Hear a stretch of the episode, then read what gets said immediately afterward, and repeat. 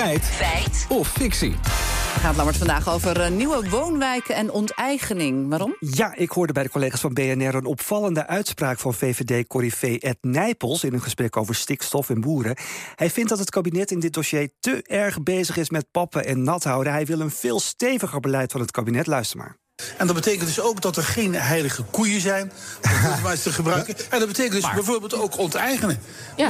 We onteigenen al honderd jaar lang in Nederland. Als er een nieuwe woonwijk moet komen, dan gaan we naar een boer toe. Gaan we eerst proberen of we een handel kunnen doen. Als het niet kan, dan wordt die onteigend. Er is geen stad die niet via onteigening groter is geworden. Ja, hij zegt dus dat onteigening geen taboe moet zijn, want er is geen stad die niet via onteigening groter is geworden. Nou, dat is interessant, maar dat gaan we wel checken. Absoluut. En dan gaan we eerst even kijken wat is onteigening precies. Dat vroegen we aan Jacques Sluismans, eh, hoogleraar ontnemingsrecht aan de Radboud Universiteit.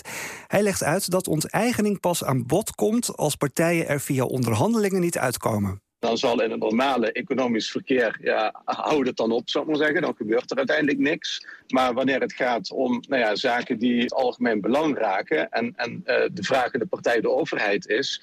Ja, voorziet de onteigeningswet erin om ten behoeve van dat algemeen belang... die impasse te doorbreken en te zeggen van ja, als het dan goedschiks helaas niet lukt... Ja, dan hebben we nog een optie om het ja, kwaadschiks uh, te doen. En dat is een gedwongen ontneming van die eigendom. Ja, er is dus een onteigeningswet en hoogleraar Sluismans legt uit wanneer en waarom die wet ooit gemaakt is.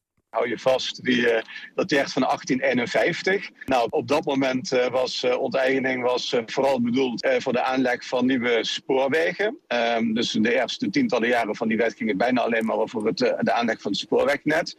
Maar in het begin van de 20e eeuw, toen kregen we Nederland de woningwet. Nou ja, en toen zag de overheid ook een taak voor zichzelf bij ja, wat dan nu heet de volkshuisvesting. En eigenlijk vanaf dat, dat moment, dus inderdaad ongeveer 100 jaar geleden, zie je dat onteigening ook voor dat doel wordt ingezet. Nou, eerst dus voor de spoorwegen. En later is de overheid met deze wet in de hand dus ook grond van mensen gaan onteigenen om, om woonwijken te bouwen. Maar is dat echt op hele grote schaal gebeurd, weet je dat? Ja, dat vroegen we aan Tim Verlaan. Hij is universitair docent stadsgeschiedenis aan de Universiteit van Amsterdam. Heeft hier heel veel onderzoek naar gedaan. En hij zegt dat stadsbesturen vaak grote stukken grond onteigend hebben. Dat hebben grote steden meerdere keren gedaan in de geschiedenis. Dus in de tweede helft van de 19e eeuw bijvoorbeeld, Rotterdam wilde de haven uitbreiden, heeft heel veel dorpen daar geannexeerd, grond onteigend. In het geval van Amsterdam is de Bijlmermeer een uh, voorbeeld, een polder die uh, is onteigend van de gemeente Weesper-Karspel.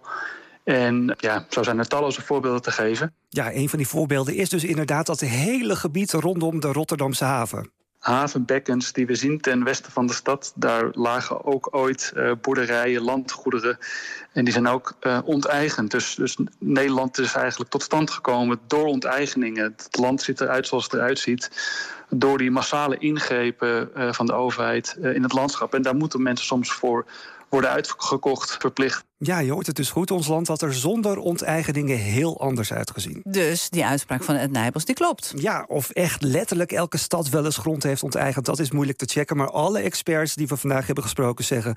onteigenen is echt een belangrijk instrument van overheden... om grote projecten van de grond te krijgen. Steden en gemeenten hebben hier sinds de woningwet... op grote schaal gebruik van gemaakt. Dus Ed Nijpels heeft gelijk, het is een feit.